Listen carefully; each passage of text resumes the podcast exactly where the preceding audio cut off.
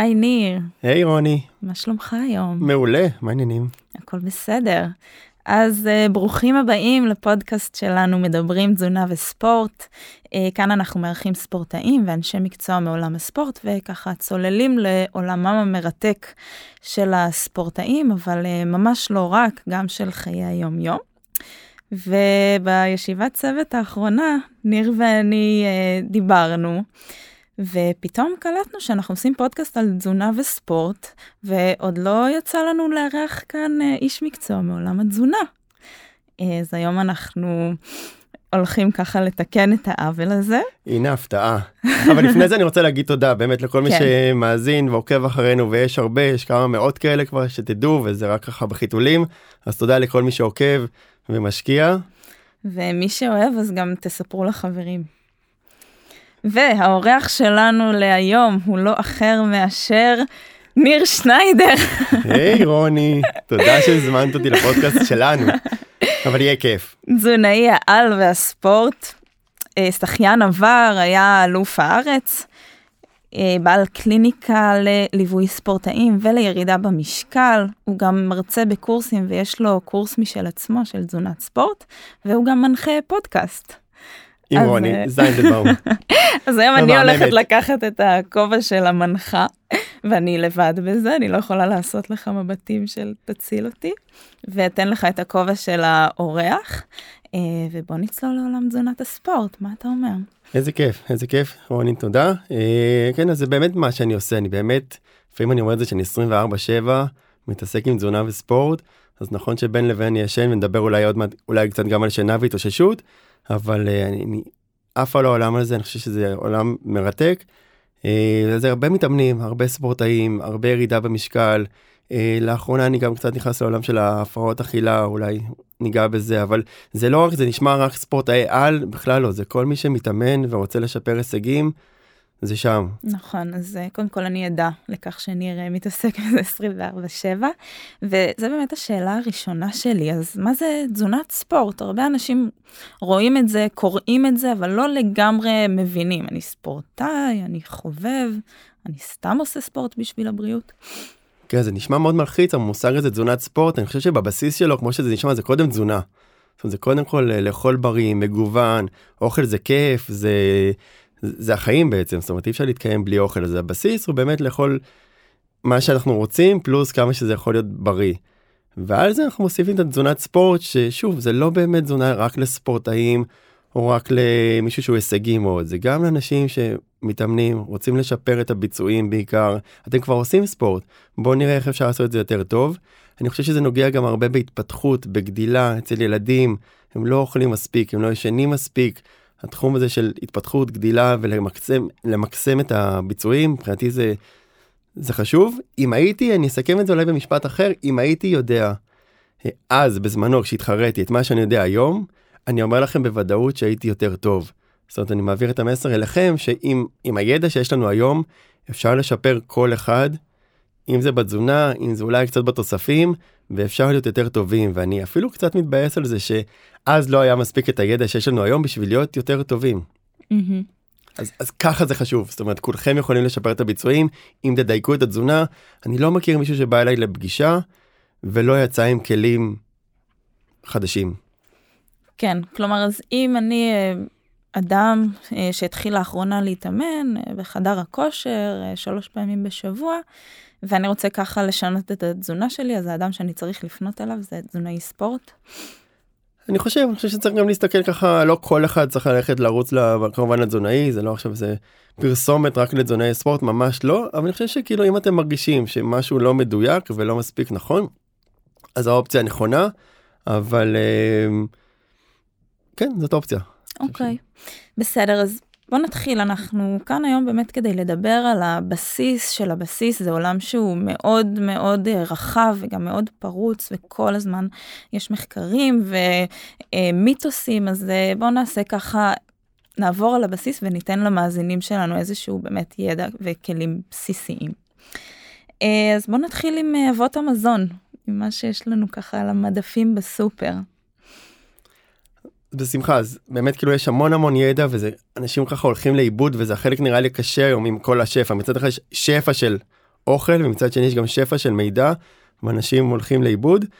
אה, פתח פה באמת משהו ענק לקורס שלם אני אנסה למקד את זה אנחנו רוצים קצת לדבר על אבות המזון בוא נדבר שנייה על פחמימות. היום עדיין האג'נדה או אסכולה של תזונת ספורט אה, דוגלת בזה שאנשים יאכלו יחסית על בסיס פחמימות. לא מזמן הסתיימה האולימפיאדה עם הישגים נפלאים רוב אני יכול להגיד אפילו לדעתי 100% מהספורטאים אוקיי אוכלים את הפחמימות לא נמנעים מפחמימות אוכלים את זה בכמות הנכונה בתזמון הנכון עוד משהו שחשוב לתזונת ספורט להבדיל מתזונה שהיא לא ספורט זה התזמון mm-hmm. זה הכמויות פה נכנס הדיוק. אה, אז כולם אוכלים פחמימות יכול להיות שהם מתאמנים לפעמים לתקופות חלקם עם פחות פחמימה אבל בגדול זה לא האסכולה השולטת היום אלא אנשים אוכלים פחמימות ספורטאים אוכלים פחמימות. אה, רק צריך לבחור איזה זאת אומרת יש לנו פחות מורכבות מלאות בריאות פח, לא מעובדות אה, ויטמינים מינרלים סיבים אולי נגיע לזה קצת ירקות פירות דברים שאני מאוד מאמין בהם ברמת ההתאוששות אז יש פחמימות מאוד טובות אני לא חושב שזה נכון להוריד את זה אה, בטח לא למתאמנים וספורטאים. כן אז uh, יש uh, היום טרנד שהוא ממש הלואו uh, קארב זאת אומרת דיאטה מאוד מאוד דלה בפחמימות ויצא לפחמימות שם מאוד רע. למה אתה חושב שיצאה הסטיגמה הזאת? השם הרע אני חושב שאנחנו הרי אוכלים לפי גם לפי קבוצות מזון אוקיי יש לנו את הלחם ואת השמנים ואת הדגנים ואת הירקות ואת הפירות ובכל קבוצת מזון יש יותר טוב ופחות טוב. אוקיי נגיד שמן זית הוא שמן מאוד מאוד בריא דרך אגב גם לטיגון וגם לבישול. שמן זית הוא מאוד בריא, לעומת זה שמן דקלים מאותה קבוצה פחות טוב. אז גם בפחמימות אנשים מקטלגים ועושים הכל טוב והכל לא טוב. זאת אומרת תפוח אדמה יש מחקרים מאוד טובים, תופתעו אני מקווה, שיש מחקרים מאוד טובים על תפוח אדמה והתאוששות אפילו תוך כדי הפעילות. ויש פחמימות שהן פחות טובות אבל עוגות עוגיות שוקולדים קורסונים אני לא רוצה לבאס על ההתחלה אבל uh, יש הבדל בין פחמימה בריאה, מזינה, למשהו שהוא פחות בריא. כן, אני גם חושבת שאנשים יותר נוח להם אולי לעשות את ההכללות האלה, ושקבוצת הפחמימות, שזו קבוצה ענקית, שהיא כוללת בתוכה גם פירות וירקות ודגנים מלאים ודברים נהדרים, אז היא כוללת גם המון המון המון אוכל אה, מעובד ועתיר בסוכר, ואולי משם זה הגיע. בדיוק וזה גם בסדר זאת אומרת שלא יצא ככה שאנחנו דוגלים אך ורק בתזונה 100% בריאה אף אחד פה לא אפיפיור ואנחנו כולנו גם אוכלים דברים שהם פחות אה, נקרא לזה בריאים וגם לנפש. אני חושב שהסיפור הוא המינון. כן. בסוף הסיפור הוא המינון והכמויות מה שנקרא. לגמרי. אז אה, בוא נעבור לחלבונים שזה איזשהו שחקן עולה בעולם תזונת הספורט. אה, כל הזמן מדברים חלבונים חלבונים בחדרי כושר אנחנו רואים חלבון בכל מקום אז האם באמת זה כזה חשוב? כן פה אני יותר דרמטי. זאת אומרת אני חושב שהחלבון הוא, הוא באמת Game Changer. אני חושב ש, שאנשים לא אוכלים מספיק חלבון.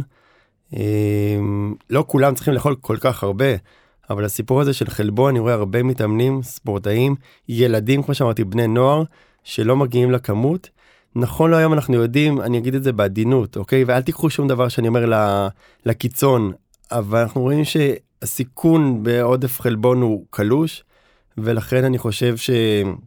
שזה נכון לאכול. אני תמיד אומר שקודם כל השריר נבנה כנגד התנגדות כנגד האימון ואחרי זה כנגד החלבון. כי יש איזה מיתוס כזה שאם נאכל יותר חלבון יהיה לנו יותר שריר. וצריך לזכור השריר נבנה כנגד התנגדות ואחרי זה כנגד החלבון. אנחנו צריך לאכול רוב האנשים לא אוהב לתת פה טיפים ככה כי זה ממש לקהל לכל מי שמאזין אבל זה יהיה איפשהו בין 1.2 ל-1.6 1.8 גרם חלבון לקילוגרם משקל גוף. כמובן תתייעצו שנבנה את זה כמו שצריך. אבל כן אני חושב שאנשים מתאמנים ולא רואים מספיק תוצאות גם איכות האימון שזה גם התחום שלך רוני בתור מאמנת וכמובן תזונאית ספורט אבל עדיין יותר מאמנת ממני. ומתמחה בזה כבר יותר ממני ואני חושב שהם קודם כל צריכים לדייק את האימון. וכן חלבון זה Game Changer. אז מה זה בעצם הסיכון בלאכול מעט מדי חלבון? תראה, אנחנו כבר היום בגדול בעולם המערבי לא בסיכון של איזה תת משקל זה נשאיר את זה להפרעות אבל הסיכון לחסר חלבון הוא, הוא נמוך אבל פשוט אתה מתאמן ולא מגיע לתוצאות שאתה יכול לקבל. וזה חבל, זה קורה להרבה, גם ילדים, אבל דווקא אני פה יכליל יותר את הנשים. אני רואה הרבה נשים שאוכלות תפריטים יחסית יותר דלים בקלוריות, וככל שאתה יותר דל בקלוריות, לפעמים אתה לא מגיע לכמות החלבון. לאישה זה יכול להיות בין 70 ל-80 ל-90 גרם חלבון ליום, mm-hmm. וזה לא כזה פשוט, זה קצת לעבוד בזה, ממש אומרות לי בקליניקה, הם אומרים לנו, אנחנו ממש עובדות בלהכניס, אה, לאכול חלבון. בסדר, זה מי שרוצה לה, להגיע לתוצאות, יצטרך לעבוד בזה קצת. והנה, אני מודה ומתוודה שלפעמים הסנדלר הולך יחף, וגם לי, אני מוצאת את זה מאוד מאוד קשה להגיע לכמויות החלבון שאני באמת צריכה, וזה איזשהו אתגר שמלווה אותי בתור מאמנת ובתור תזונאית ועם כל הידע, אז uh, אני ככה מבינה לליבם של המטופלים שלך בקליניקה, מטופלות. נכון, ועדיין אתם לא רואים כרגע את רוני, אבל אני אומר לכם שהיא מסת שריר יפה, ואני חושב שזה באמת בזכות מאז שאני מכיר את רוני לפחות, זאת אומרת, הכל, הכל משתנה, אני חושב שזה בזכות האימונים וה, והדיוק בחלבון, וכן, כמו שאמרנו, אף אחד לא מדייק כל הזמן. כל השבוע, כל החודש, אבל צריך לתת לזה את הדין. נכון. אז אה, פחמימות, חלבונים, ומה נשאר? שומנים. שומנים, שומנים שאני מדבר עליהם תמיד השערות קצת עומדות לי. אני מודה שקצת אה, אני יותר קשוח עם שומנים. Okay. אני אוקיי. אתחיל דווקא ברך, קודם כל זה דבר בריא, mm-hmm. אנחנו צריכים שומן בשביל לתפקד, אוקיי? אנחנו הורמוני המין ועוד הרבה דברים בגוף עובדים על בסיס של שומן, אז אם לא יהיה לנו שומן באוכל ומצד שני אם לא יהיה לנו שומן מספיק אחוזי שומן בגוף אנחנו נתפקד פחות טוב אם זה יהיה עד הפסקת המחזור אצל נשים. שגם לזה כמובן יש השלכות אם זה ירידה בחשק המיני אצל גברים אם זה עוד הרבה דברים שקורים במעט מדי שומנים או שהם לא נכנסים או שאין לנו מספיק בגוף. מצד שני אין דבר יותר משמין משמן. צריך לזכור את זה זה משפט שאני הולך איתו הרבה אולי לא כולם יאהבו אותו אבל אין דבר יותר משמין משמן בעולם לא היה ולא יהיה חוץ מאורניום כזה מאושר. אורניום ב... זה משמין? משמין מאוד, אל תנסו, אבל חוץ מדברים כאלה, אה, אין משהו עם כל כך הרבה קלוריות כמו שמן, כמו שהוא נשמע. ואני מאוד קשוח עם שמן, שומן, מטוגן, טחינה, דברים כאלה שזולגים לנו וזה מאוד טעים ומאוד בריא גם, אבל אה, לא תמצאו שום גלידה ושום אה, עוגה ושום עוגייה שהיא יותר משמינה מנטו שומן. ואת זה צריך לזכור. אז יש שומן בריא, נדבר קצת, דיברנו על שמן זית טיפה. אז יש... כן, זה נורא מורכב, זאת אומרת, אנחנו צריכים לשלב בתזונה שלנו גם פחמימות, גם חלבונים, גם שומנים, אבל אם עכשיו אני רוצה לעשות תהליך של ירידה במשקל, אז אני נמצאת פה באיזשהו מלכוד, כי מצד אחד אני חייבת את אבות המזון האלה, מצד שני אני רוצה לייצר גירעון קלורי כדי לאפשר ירידה במשקל. נכון, וזה התפקיד שלנו, באמת לדייק את זה שאנשים, גם מי שרוצה לרדת במשקל, יצליח לרדת, אבל גם ירידה איכותית במשקל, זאת אומרת שהוא ישמור על המסת שריר, הוא יצליח לרדת באופן איכותי, וגם שהוא לא יסבול. אחד הדברים שאנשים לא אוהבים לעשות דיאטות בגלל שהם מפחדים, הפחד מלהיות רעב. אז שני דברים שאנחנו משתדלים ככה עקרונות בקליניקה זה אחד שאנשים לא יהיו רעבים, ושתיים שיהיה להם בריא ומגוון וטעים זאת אומרת זה לא חייב להיות משהו מאוד דל.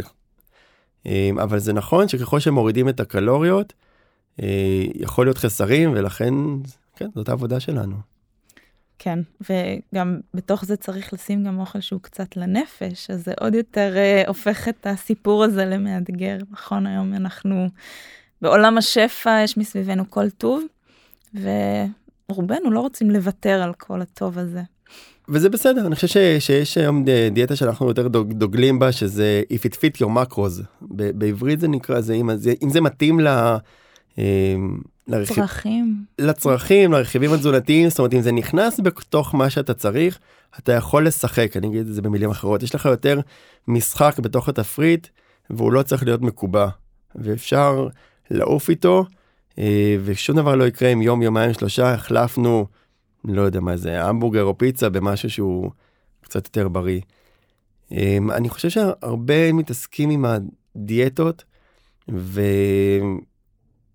ואני קצת מדבר על בני נוער במשפט הזה, שהרבה הורים לספורטאים, למתאמנים, הם מגיעים מהעולם של להוריד, כמו שאמרת, להוריד, להוריד, להוריד, והם שוכחים ש... שירידה במשקל היא לא תמיד תואמת לסיפור של מתאמנים וספורטאים. אני רוצה להזכיר עוד משהו שאמרתי לך על החלב, על ה... לא החלב, על, ה- על השומן, מהמם. איזו אנקדוטה מעניינת. את יודעת כמה אחוז אה, שומן יוצא מהפרה, מהחלב של הפרה? הרבה. הרבה. זה בדרך כלל מה שכולם אומרים, אוקיי? רוני ענתה בתור, אה, בתור עכשיו לקוחה, אבל כולם יגידו די הרבה, אה, כי זאת התשובה ה- האינטואיטיבית, אבל חלב הפרה יוצא בין 3.4-3.7 אחוז שומן. מדהים. וכולם אומרים שזה לא טבעי ולא טבעי, זאת אומרת ככל שנרד באחוז השומן במוצרי החלב זה יהיה יותר טבעי. מהמם. מצד שני הם אומרים 0 אחוז זה כבר לא בריא. מהמם. אנשים הולכים לאיבוד עם האחוזי שומן. החלב של הפרה, אני שם את זה בצד בעד או נגד, מהמם. יוצא 3.4-3.7 אחוז שומן. גם פרה שוודית וגם פרה הולנדית, אותו דבר. אנשים נורא נלחצים, אבל 28 זה הטבעי, 22 זה הטבעי. אני חושב שמעבר לטבעי צריך לאכול, כמו שאמרת, גם, גם לנפש וגם לכיף ולצרכים. ולצרכים. אה, טוב, אז באמת דיברנו על איכות המזון, מה אנחנו צריכים כדי להתקיים, כדי לשמור על אורח חיים בריא, אולי אפילו כדי לשפר ביצועים, ובואו נדבר רגע על כמה אנחנו צריכים. אה, ואני כן רוצה לגלוש לעולם הזה של ירידה במשקל וההתעסקות עם הקלוריות. אז אה, מה זה קלוריות? לא הגדרה מדעית, אבל מה זה הדבר הזה? האם אנחנו באמת צריכים לחשוש ממנו במרכאות? האם אנחנו צריכים לספור קלוריות אם אנחנו רוצים לרדת במשקל? אז, אז גם פה כמובן פתחת פה שיח ל, לקורסים שלמים ב, בעולם התזונה. קלוריות זה דבר טוב. אנחנו מתקיימים מקלוריות, אנחנו אוכלים הרי פחמימות, חלבונים ושומנים, כולם מכילים קלוריות, אנחנו מכניסים לגוף את האוכל הזה ומזה אנחנו מתקיימים. בלי אוכל כמובן שאין קיום. ואוכל מכיל, חוץ מוויטמינים מינרלים, סיבים וכדומה, מכיל קלוריות. וקלוריות זה דבר טוב, זה יחידת אנרגיה, אנחנו צריכים אותה. השאלה מה האיכות ומה הכמות. אני לא בעד לספור ברמה המדוקדקת, גם לא בעד לשקול אוכל דרך אגב, אבל לפעמים זה עוזר. בתפריטים שלי אתם כן תראו קלוריות שעושים איזה מסגרת, איזשהו טווח לאנשים. סודות מעולם הקליניקה, אף אחד לא מתמיד בתפריט לאורך זמן. זה לא קורה. הרוב רוצים לצאת עם איזשהו דף כזה עם הנחיות וזה בסדר, אבל זה ממש לא הכלי הבלעדי שיש לנו בקליניקה. ההפך, זה כלי מאוד קטן ומינורי, אבל אפשר לרשום קלוריות, אף אחד לא מדקדק בקלוריות, אף אחד לא יודע לדייק כמה הוא מכניס וכמה הוא מוציא. יש מכשיר, נספר למאזינים, יש מכשיר שנקרא קלורימטר, שזה מכשיר שמודד באמת נשמע מפחיד, נשמע מאיים.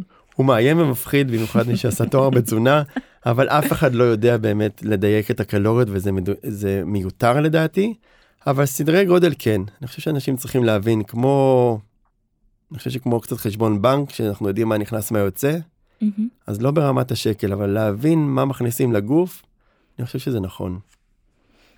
אוקיי, ויש היום טרנד כזה של אה, דיאטות שבהם אתה יכול לאכול מה שאתה רוצה לטובת ירידה במשקל. אה, למשל צום לסירוגין, שיש איזשהו חלון מסוים שבו אנשים אוכלים כל מה שבא להם, ואז איזשהו צום יחסית ממושך, או דיאטה קטוגנית שהיא דלה מאוד מאוד בפחמות ועתירה בשומנים. אז אה, האם זה באמת נכון שאפשר לאכול כל מה שרוצים במסגרת הדיאטה הזאת ולרדת במשקל? קודם כל כל אחד יכול לעשות מה שבא לו. תאכלו כמה ש... שאלה אם הוא ירד במשקל. נכון אז אני חושב שנגעת בנקודה הכי חשובה רוני. קודם כל מה המטרה. תמיד ת- תדייקו מה המטרה שלכם ומשם תגזרו את הדרך. כי גם לא תמיד אפשר לעשות את הכל ביחד. יש כאלה שבאים לרדת במשקל ואז אומרים לי רגע ואני גם שותה מלא זירו ואני גם מעשן ואני גם זאת אומרת מה הדבר הכי חשוב מה הטפל ומה העיקר ומשם נגזור את הדרך. בוא נגיד שהמטרה כרגע היא כמו שאמרתי ירידה במשקל. בשביל לרדת במשקל נכון להיום אף אחד עדיין לא ניצח את המודל הקלורי. אם מישהו ירד במשקל לאורך זמן, לא יומית, כי שינויים במשקל יומית או שבועית יכול להיות שינויים של הרבה דברים. נוזלים, מחזור, ביוץ, עוד המון דברים של הזנו, פעילות גופנית וכדומה. אבל אם מישהו רוצה לרדת במשקל לאורך זמן, או ירד במשקל לאורך זמן, הוא אכל פחות ממה שהוא צריך להכניס. זה יכול להיות בדרך הקטוגנית שהיא דלת פחמות או כמעט בלי פחמות, זה יכול להיות בצום לסירוגין, זה יכול להיות בטבעונות, זה יכול להיות בצמחונות, זה יכול להיות בכל דרך, אבל אף אחד לא אוכל מה שבא לו, כמה שבא לו, ויורד במשקל. אני אשמע טיפה קשוח, אבל זו נקודה מאוד חשובה, ו- ותמיד תשמעו סיפור על מישהו שזה עדיין סיפורים במחקר, ששמים אנשים במעבדה, או להבדיל כשהיו פעם מחקרים שהיום הם מחקרים כבר לא אתיים של ערבה, ובדקו אנשים שאוכלים פחות לאט לאט יורדים במשקל. זה לא בריא, זה לא בריא בעיקר לנפש. הנפש הראשונה שמשתגעת. אבל מי שירד במשקל אכל פחות ממה שהוא צריך בכל דרך שהיא.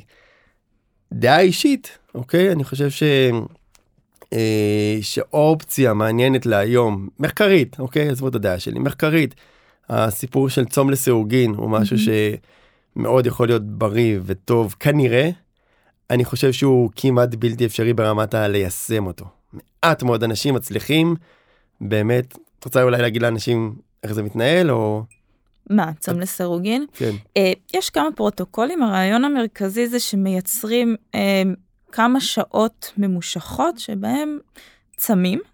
זה יכול להיות, הפרוטוקול הכי מקובל היום זה ה-8-16, מאוד מאוד טרנדי, 8 שעות אנחנו אוכלים, 16 שעות צמים, אבל זה ממש לא הפרוטוקול היחיד, יש אה, אנשים שאוכלים 4 שעות וצמים 20, יש כאלה שאוכלים יום אחד ויום אחר לא אוכלים, ועושים את זה ככה לסירוגין, אבל הרעיון הוא לייצר איזשהו צום. ובאמת הסיפור הזה נמצא במחקר, ואנחנו סקרנים לראות האם זה, יש לזה סגולות בריאותיות. אמ, אני חושבת שבעיקר אנחנו סקר, סקרנים לראות האם יש לזה סגולות בריאותיות או לטובת שיפור ביצוע, ביצועים, ופחות לעניין הזה של ירידה במשקל, כי כמו שאמרת, כדי לרדת במשקל, אם אנחנו בחלון הקצר הזה של ההזדמנויות נאכל יותר ממה שאנחנו מוציאים, אנחנו לא נרד, נכון? נכון. אה, ובאמת זה מעניין מה יהיה עם, ה, עם, ה, עם המחקרים האלה של מקטוגני עד צום לסירוגין וכדומה.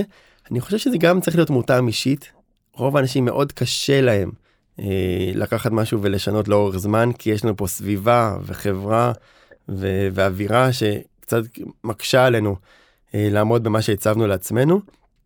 וגם דיברנו הרבה בפרקים ואני באמת ככה ממליץ לכם להקשיב על הפרקים של הפסיכולוגיה כמה קשה לאנשים לעשות שינוי גם אם ניתן להם עכשיו את הדיאטה האולטימטיבית הכי בריאה בשבילהם הכי טובה בשבילהם. דרך אגב אני חושב שאנחנו סוג של דינוזאורים. אמיתי. אני חושב שהיו כאלה שהם צמחוניים מי שזוכר את הדינוזאורים. היו צמחוניים היו כאלה שאכלו בשר. אני חושב שאנחנו גם כאנשים זה באמת דעה אישית אני חושב שאנחנו שונים כאנשים. יש כאלה שיותר מתאים להם הבשר יש כאלה שפחות מתאים להם הבשר. אבל אני חושב שקשה מאוד לאנשים לדבוק אבל אפשרי בשינוי הרגלים אה, וזה הנקודה מבחינתי הכי מעניינת גם בקליניקה. איך קוראים להם לעשות שינוי מעבר לקלוריות. ולהתמיד בו. ולהתמיד בו כשהם יודעים שזה הדבר הכי טוב שהם צריכים לעשות בשביל עצמם הם יודעים. נכון. אז אני רגע אעשה סיכום ביניים של מה שאמרת, כי הזכרת גם אה, מחקרי ערבה שעשו בעבר. אז uh, העניין הזה של הקלוריות הוא עובד לשני הצדדים, כלומר, אם אנחנו רוצים לרדת במשקל, אנחנו חייבים להיות בגירעון קלורי. ומצד שני, הרבה אנשים מגיעים אליי ואומרים לי, תקשיבי, אני בגירעון קלורי ודאי, וככה אומרים לי מה הם אכלו, ועדיין לא מצליחים לרדת במשקל. אז זה פועל גם הפוך, אם אתה אה, בגירעון קלורי, אתה חד משמעית תרד, ואם אתה לא יורד, כנראה שאתה לא בגירעון, נכון? נכון, אז אני גם אדייק טיפה, כאילו זה בדיוק מה שאמרת, אני רק ארחיב על זה אולי. אנחנו, כל בן אדם אנחנו יודעים בערך כמה הוא צריך לאכול. בערך אנחנו יכולים לחשב את זה או למדוד את זה בערך כמה הוא צריך לאכול, קשה לנו יותר לחשב כמה פעילות הוא עושה ביום יום. אבל אנחנו יודעים בערך כמה הוא צריך לאכול, ומפה הוא צריך לאכול פחות בשביל לרדת. שוב, זה חייב להיות בריא, אבל הוא צריך לאכול פחות לאורך זמן בשביל לרדת. רוב האנשים מעגלים פינות, mm-hmm. וקשה להם גם לי, עד בלתי אפשרי, לזכור מה אכלתי היום, אתמול, לפני שבוע, וכששמים אנשים במעבדה, במחקרי הרעב האלו, באמת רואים שהם יורדים. באיזשהו שלב הקצב מועט ויורד, אבל זה באמת בתת משקל, אוקיי? שלא צריך להגיע לשם. אבל הסיפור הזה של ה... אה, לא ירדתי כי אני בסטרס, או לא כן. ירדתי כי אה, אני לא שותה מספיק מים, זה המון או מיתוסים. אני לא אוכל מספיק. זה גם איזושהי דעה קדומה, שחושבים שלא אוכלים מספיק ולכן הגוף נכנס לאיזושהי מגננה. נכון, ו- וזה דרך אגב זה גם משהו שאני הלכתי איתו שנים, הרי אני מהמם. עבדתי עשר שנים בקופת חולים אה, לפ... במקביל לקליניקה, ושנים אמרתי לאנשים, אה, בגלל שאתם צמים בין לבין אז הגוף חוסך. הגוף לא חוסך קלוריות כל כך מהר, אתם צריכים להיות בתת משקל, חלילה שוב, בשביל שתיתקעו בירידה במשקל.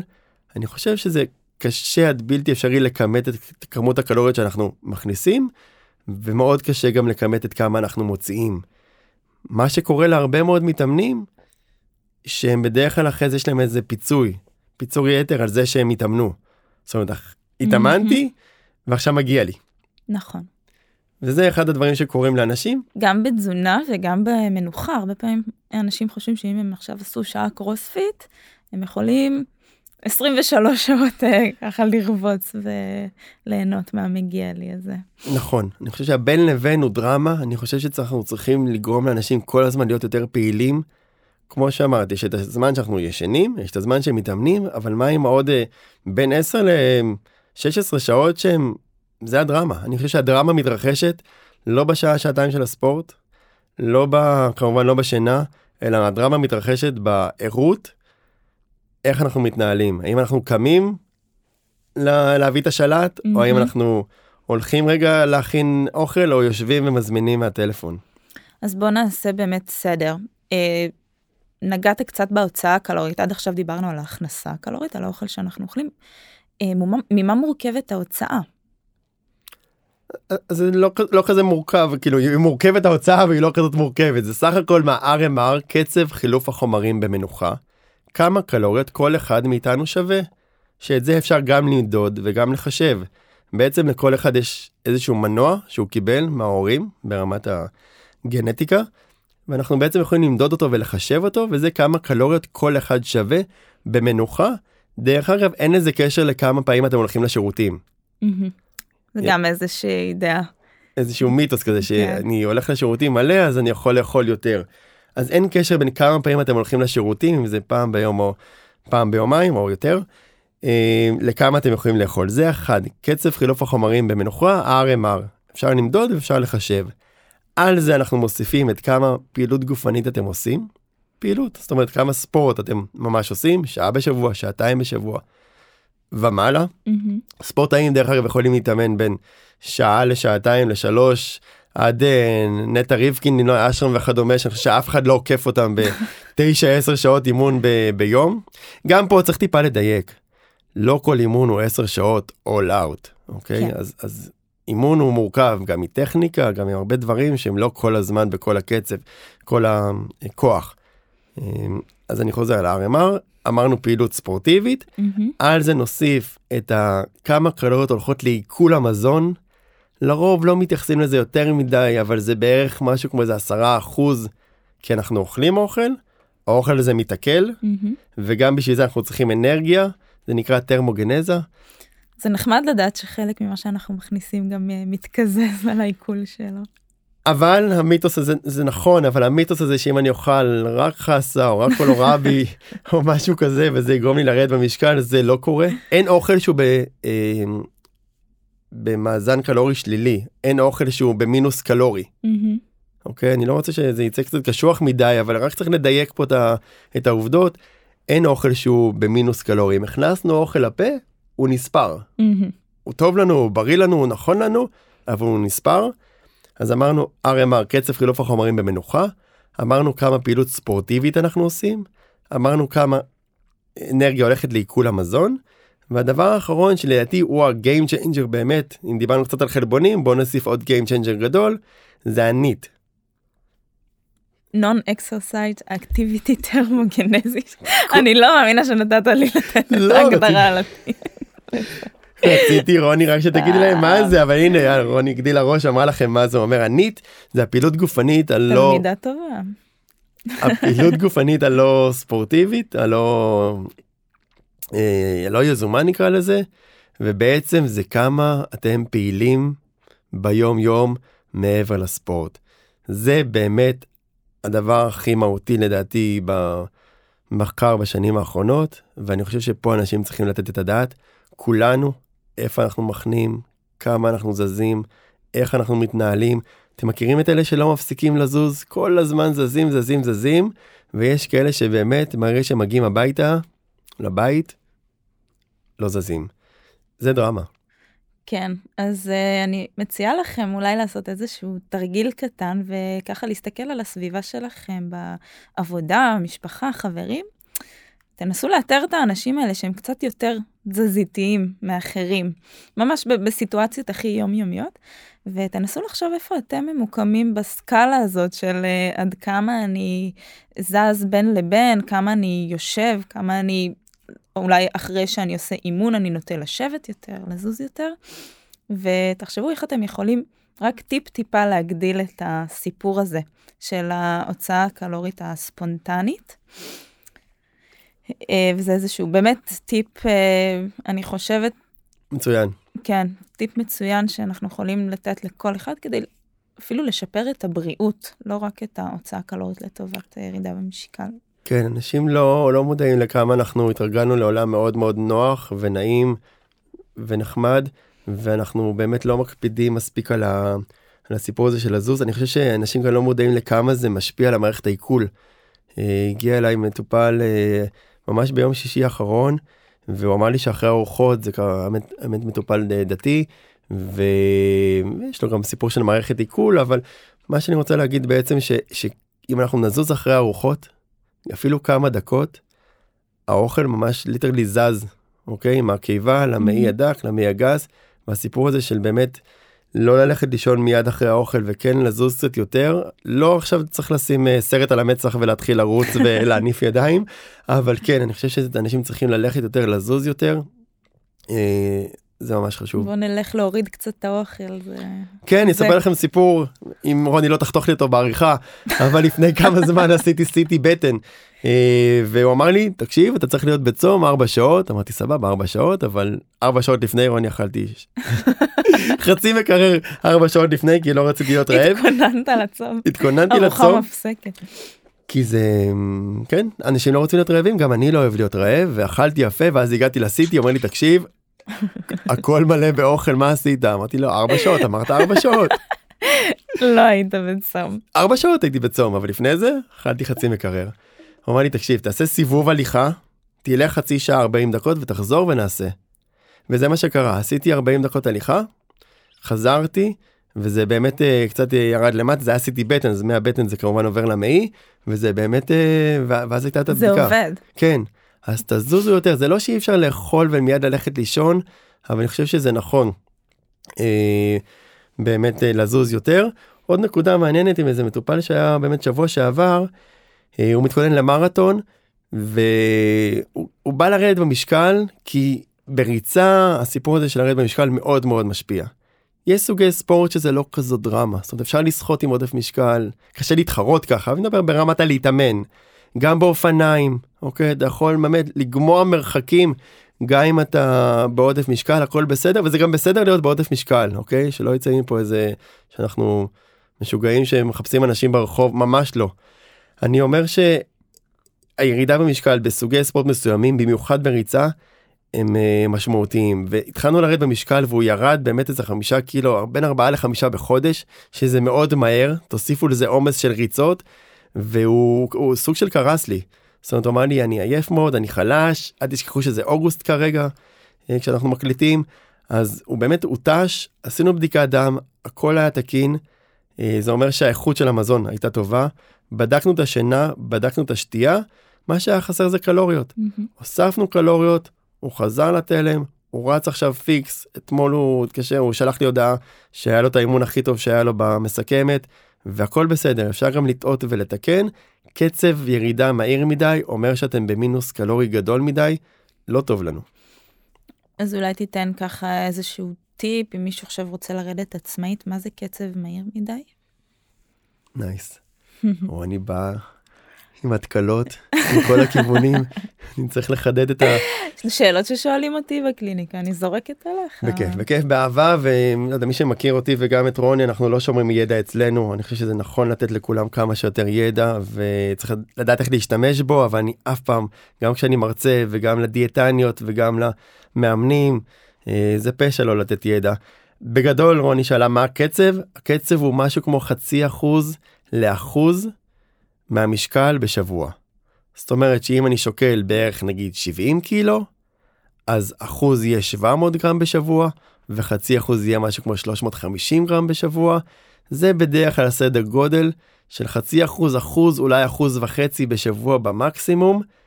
הפיזיולוגיה לוקחת זמן. כמו שפצע לוקח לו זמן להגליד, גם שתאים יצמצמו או ישתנו, לוקח להם זמן. ואחד הדברים שקשה, אני חושב, לאנשים בקליניקה, גם כמטפלים, עכשיו רוני, גם לך נכון. ולי, גם כמטפלים וגם למטופלים, זה, זה הזמן. כמה זמן זה ייקח, למה זה עוד לא קורה, ודברים כאלה.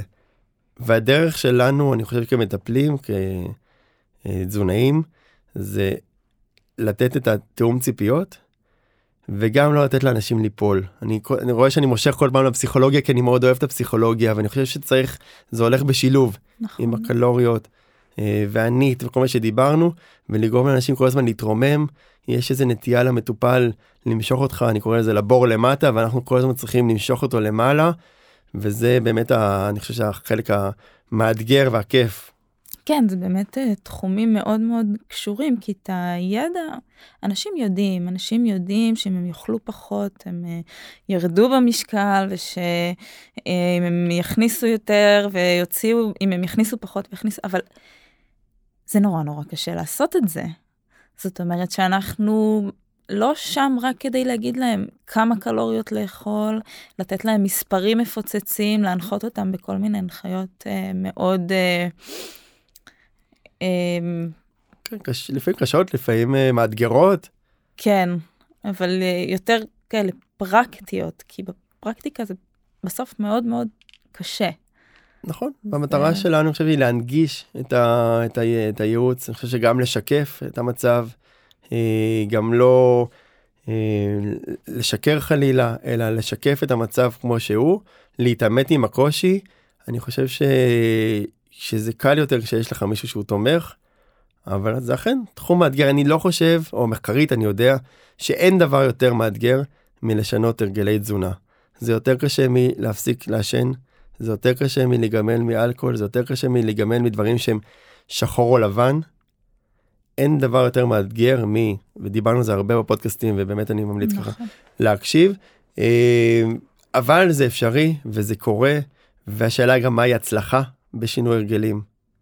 עם מישהו שירד באמת חמישה קילו, עשרה קילו, עשרה אחוז, חמישה אחוז, אולי רק שיפר ביצועים, בוא נשים רגע את המשקל בצד, והוא באמת שיפר את איכות החיים שלו, ויש המון אנשים בקליניקה שסובלים מכאבי בטן ואי נוחות וצרבות, כמות הצרבות היא היסטרית, ואני חושב שבאמת בייעוץ שניים שלושה, בקלות, אין ספור אנשים שאנחנו עוזרים להם לצמצם את התופעות האלה במערכת עיכול. אה, חולשה. חולשה, עייפות, אנמיות. אה, אני נתקל בהמון הסיפור של אה, בטן, כאבי בטן וסיפור של החומציות ובסיסיות, אני חושב שזה מאוד קל לשפר את זה. קשה לי להבין למה אנשים לא תמיד באים ככה לנסות לשפר את האיכות חיים. כוחו של הרגל איפשהו. כן. טוב, אז uh, uh, אני רוצה ש... התחלנו לדבר על משקל, אבל אני רוצה שככה נעמיק בנושא הזה, כי אני חושבת שזה נושא שמטריד ליטרלי את כולם. גם ספורטאים מקצוענים מוטרדים מהמשקל שלהם, גם אנשים רזים, גם אנשים בעודף משקל. גם... למה, למה הדבר הזה הוא כל כך מפחיד? אני לא יודע אם יש לי תשובות לכל השאלות, אבל אני אנסה. אני חושב שהעולם השתנה מאז שהומצאו המראות ומאז שה... אה, לא יודע אם האופנה או הטרנדים הם קצת השתנו אז באמת מאז שאנחנו צריכים לראות את עצמנו כל הזמן אם זה היום עוד יותר גרוע זה בזום זה הטיק טוק פעם היינו צריכים רק לדבר אוקיי מרדיו נהיה mm-hmm. טלוויזיה אחרי זה פייסבוק אינסטגרם שזה גם לראות זום שזה לראות את עצמנו טיק טוק שזה לראות ולרקוד זה גורם לאנשים המון התעסקויות המון הפרעות כמות הפרעות אכילה שיש עכשיו בקליניקה הולכת וגוברת אה, לצערי וזה משהו שמעסיק אה, אני חושב שכולנו רוצים להיות יפים כולנו רוצים להיות אה, חזקים.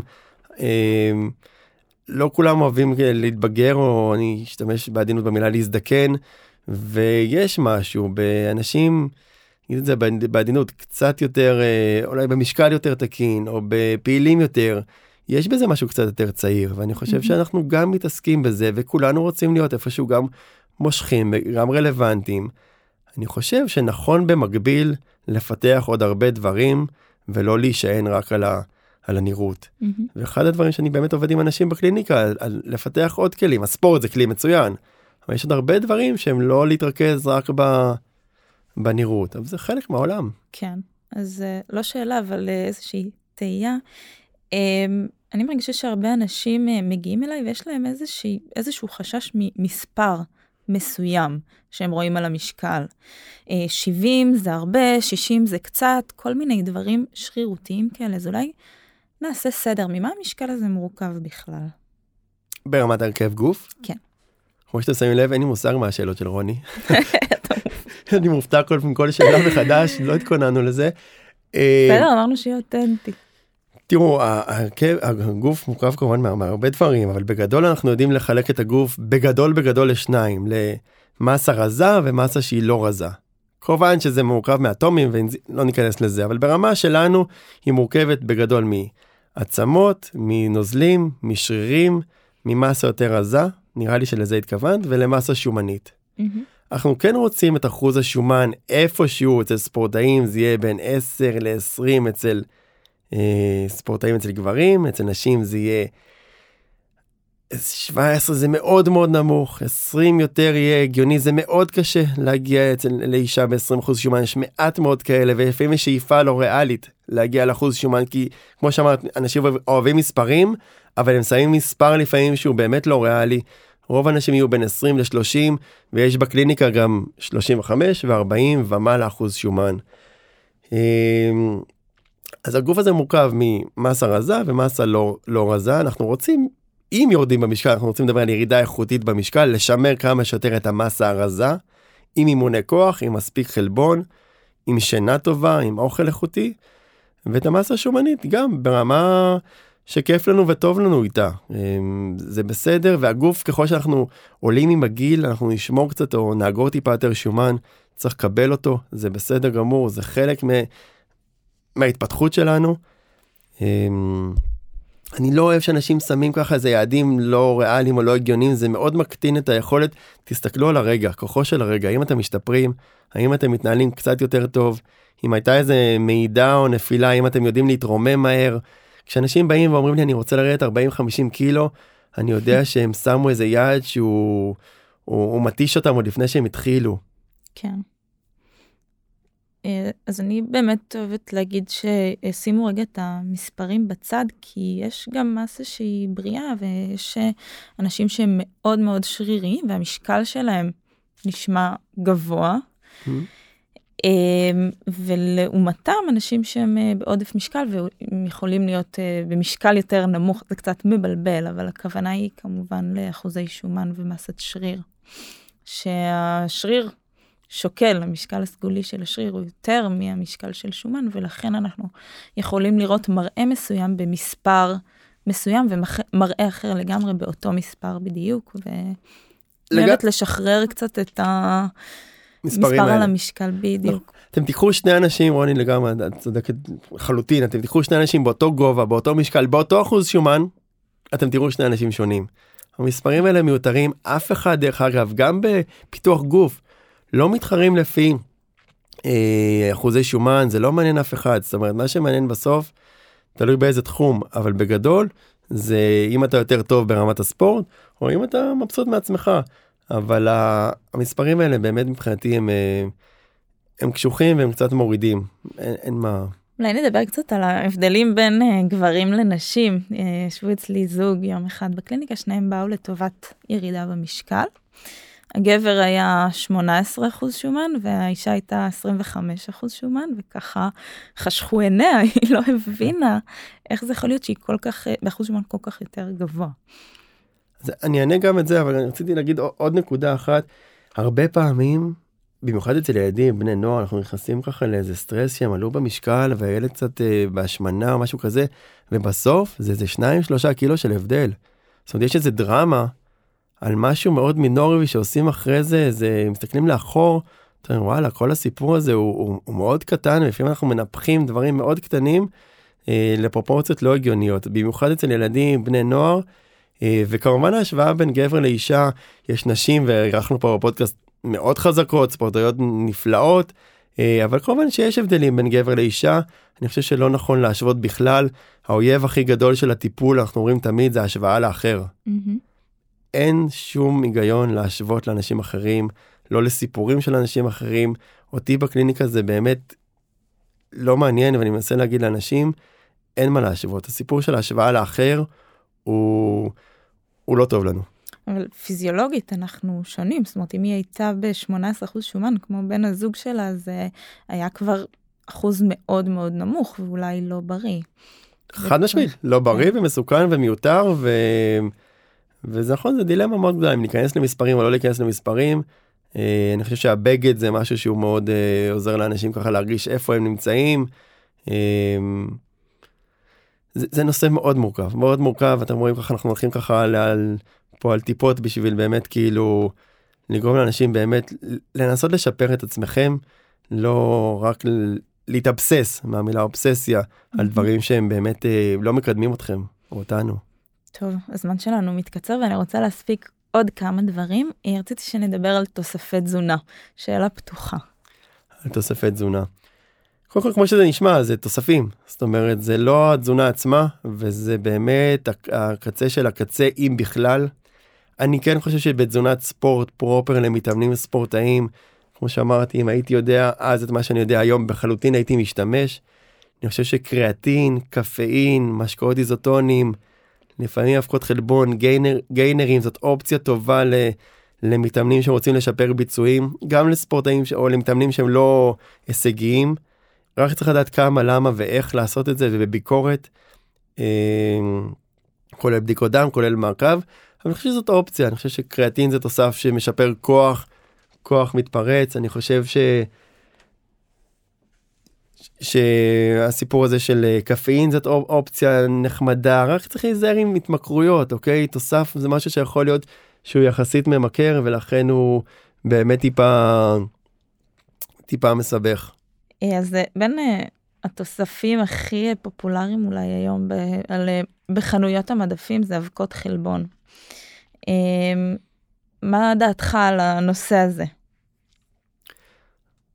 אז נתחיל מהשורה התחתונה, אפשר להגיע למספיק חלבון גם מאוכל. כמעט כל הספורטאים, כל המתאמנים יכולים להגיע לאיכות חלבון מצוינת גם ממזון ולרוב לא צריך. אין דיאט יש משהו מאוד נחמד בלקחת תוסף, חלבון. הדבר, היתרון היחידי כמעט של אבקת חלבון, שיש בה יחסית הרבה חלבון ומעט קלוריות. מפה זה מגיע. מפה הכל זה חסרונות. אוקיי, אולי מחיר אבל שם את זה בצד. הרבה חלבון, מעט קלוריות. כל השאר מבחינתי זה חסרונות, זאת אומרת זה גם מעובד, אף אבקה לא נולד בטעם צ'וקולד צ'יפס, או בטעם וניל, לא יודע מה, עוגיות או בננה או לא, או לא חשוב. זה לא יוצא ככה מהפרה? זה לא יוצא מהפרה, לא השוודית ולא הפינית.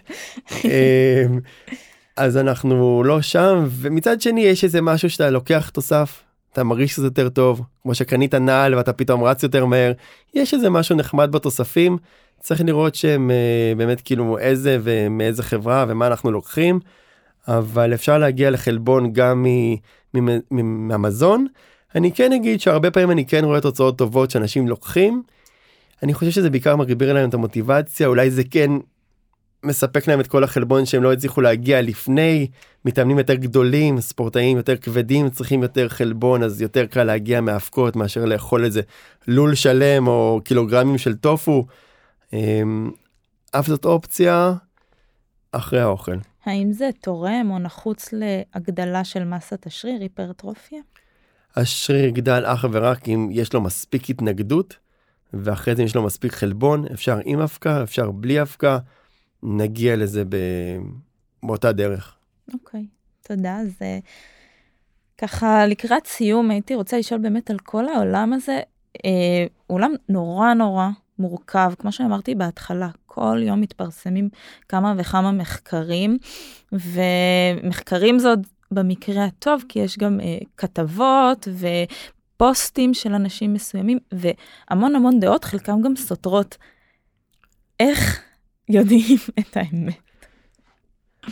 קודם כל השאלה אם יש אמת, אה, השאלה אם יש אמת אחת, אבל אני חושב שבאמת אה, זה נושא מטורף, אוקיי? כולל הקורונה וחיסונים ומחקרים ומי מימן ואיך עשו את זה. אני אגיד כמה, כמה דברים שיש לי על המחקר.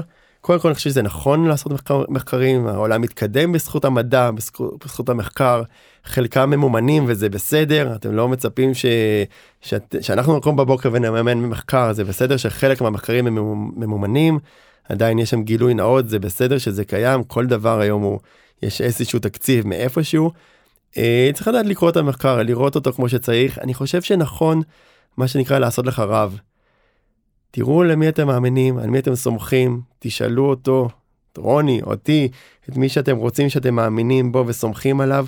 קשה עד בלתי אפשרי למישהו לא איש מדע, גם לאנשי מדע דרך אגב, לעקוב אחרי המחקר ולדעת מה עשו שם בדיוק, האם זה מחקר קטן, גדול, האם אה, זה מחקר תצפיתי, שבעצם שאלו אנשים איך הם התנהגו והאם המתאם שם הוא מספיק טוב. יש פה המון מורכבות, מחקרים יוצאים כמו שאמרת. אה, ערב השכם אומרים? לא יודעת. משהו כזה, אבל יוצאים כל יום מחקרים. אה, ואני חושב שבאמת כאילו יום אחד הוא כן ביצה ויום אחד לא ביצה. אה, זה מאוד מאתגר, אבל אני חושב שהקדמה היא טובה לנו והמחקרים הם טובים לנו.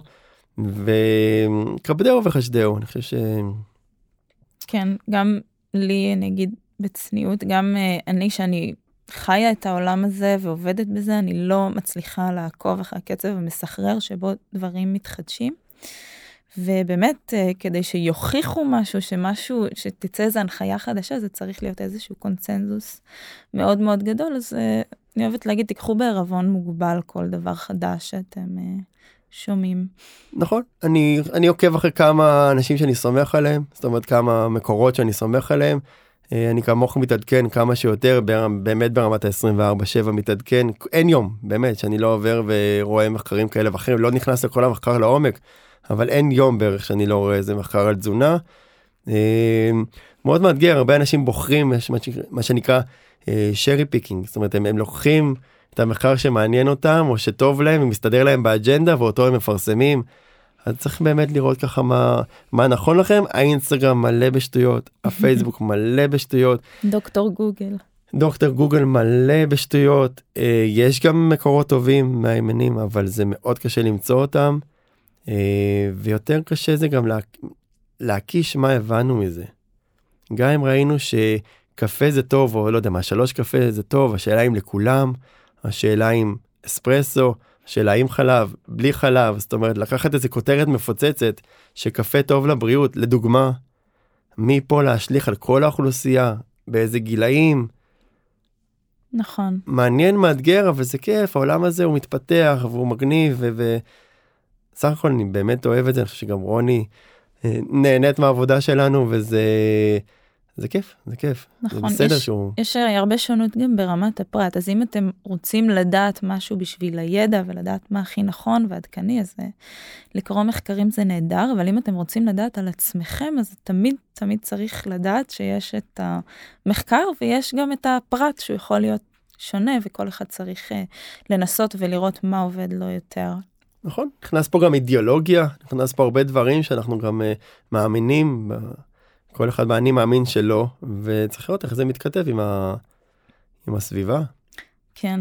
Uh, טוב, אז uh, נגענו ככה ממש על קצה המזלג, על הבסיס של הבסיס, ואפילו לא הספקנו לעבור על כל השאלות שהכנתי, כי זה עולם מאוד רחב, אולי נעשה פרק המשך בהמשך, אבל uh, תודה רבה, ניר, תמיד כיף לדבר איתך. בשמחה, תמיד בשמחה. זה לא, זה לא נגמר. ורק רגע לפני שאנחנו מסיימים, אני רוצה אה, לשאול אותך כמה שאלות אישיות. החלטנו שנתחיל אה, אה, כמה פינות ב, בפודקאסט שלנו של אה, עקר את האורח, אז אה, סבבה, אני אעשה רק פרסומת קטנה לפני שאנחנו עושים עקרת שאלות מתקילות של רוני, אלוהים ישמור. אה, מי שכן רוצה ללמוד עוד, אוקיי? אני בדרך כלל לא עושה פרסומות, אבל רוני, אני לא יכול, זה מתבקש בפרק הזה. מי שרוצה ללמוד עוד על תזונה וספורט, כמובן יש את הקורס הדיגיטלי שלי. אה, באתר שלי ואפשר לדבר איתי בטלפון ובוואטסאפ אז מי שרוצה ללמוד עוד על תזונת ספורט מוזמן באהבה לקורסים הפרונטליים או בזום או הדיגיטלי שאתם יכולים ללמוד בעצמכם ולשאול אותי כל שאלה גם בקורס הזה. זהו עד פה פרסומות אני בדרך כלל לא אוהב לפרסם אתם יודעים אבל יאללה תהנו מי שרוצה. נכון שאלות? ואני גם אה, אמליץ ואני לומדת המון מניר כל יום אז אה, אם מישהו רוצה לקחת את זה צעד אחד קדימה כן, השקעתי שם את הנשמה ויש גם קורס לדיאטניות, קורס תזונת ספורט, אבל באמת מה ששדרג אותי, אוקיי, ככה משפט לפני סיכום, אה, מה ששדרג אותי זה באמת להתחיל ללמד ולהרצות. אני חושב שזה גורם לאנשים להיות יותר טובים, אם אתם רוצים להתמקצע במשהו, תנסו גם ללמוד יותר, ואם תצליחו ללמד את זה ולהעביר את הידע זה גורם לך פשוט להיות יותר טוב, ואנחנו עדיין לא יודעים מספיק ואני עדיין לא יודע הכל, ממש לא, ההפך, כל יום לומדים מחדש. כן. שאלות שלא ידעתם. טוב, כן, בוא נסיים בנימה קצת יותר קלילה. אה, אז אה, מה היית אם לא היית? מה היית אם לא היית דיאטן ספורט? וואו, אה, מה הייתי אם לא הייתי דיאטן ספורט? אני חושב שכמובן את הספורט אני אני עף עליו אבל יש כמה דברים שאני אוהב אני מאוד אוהב לעבוד עם חיות אני מודה שיכול להיות שהייתי עושה משהו לא יודע אם הייתי וטרינר כי זה קשוח אבל יש לי חיבה לחיות אה, ויש לי תקשורת נראה לי טובה איתם אני ממש חושב שהייתי משהו כזה. ויש לי גם חיבה ירידה במשקל בעזרת אה, לא, רוני, די, די עם המשקל. משהו שהוא fun, חיות זה fun, אני חושב שהייתי עובד בספארי או באיזה בקניה ועם אה, רץ עם אריות. כזה ואם לא הייתי עושה משהו עם מכוניות אבל לא חושב שיש לי מספיק כסף בשביל זה אז אני אשאר עם הקואלות. שחייה עם דולפינים. שחייה עם דולפינים. מי מנצח במשחק 100 מטר חזה? אתה עוד דולפין. זה עקרת המומחה, לא השפלת המומחה. סתם. טוב, אה, וקצת ג'וס, אין מה לעשות, אנחנו דיאטנים ואנשים נורא אוהבים אה, לדעת מה אנחנו אוהבים לאכול, אז איזה מאכל אהוב עליך, או גילטי פלז'ר, משהו שאתה מרשה לעצמך.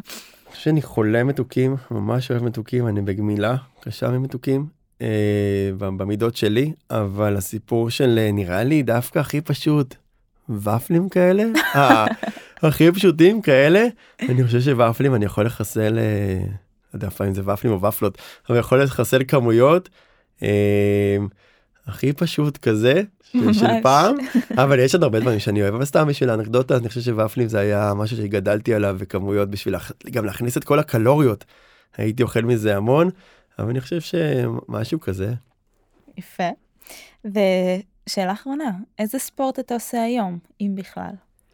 אז אני מודה שאני מתמודד ככה הרבה פעמים קצת עם קצת עם כאבים קצת עם פציעות אבל uh, הבסיס שלי זה השחייה אני מנסה כל הזמן לש... לשמור על השחייה ולעשות כוח אני היום גם עושה הליכות על בסיס יומי גם דרך אגב מדיטציה ומוזיקה קלאסית לא זה שני דברים שלושה דברים שאני משתדל להתמיד בהם.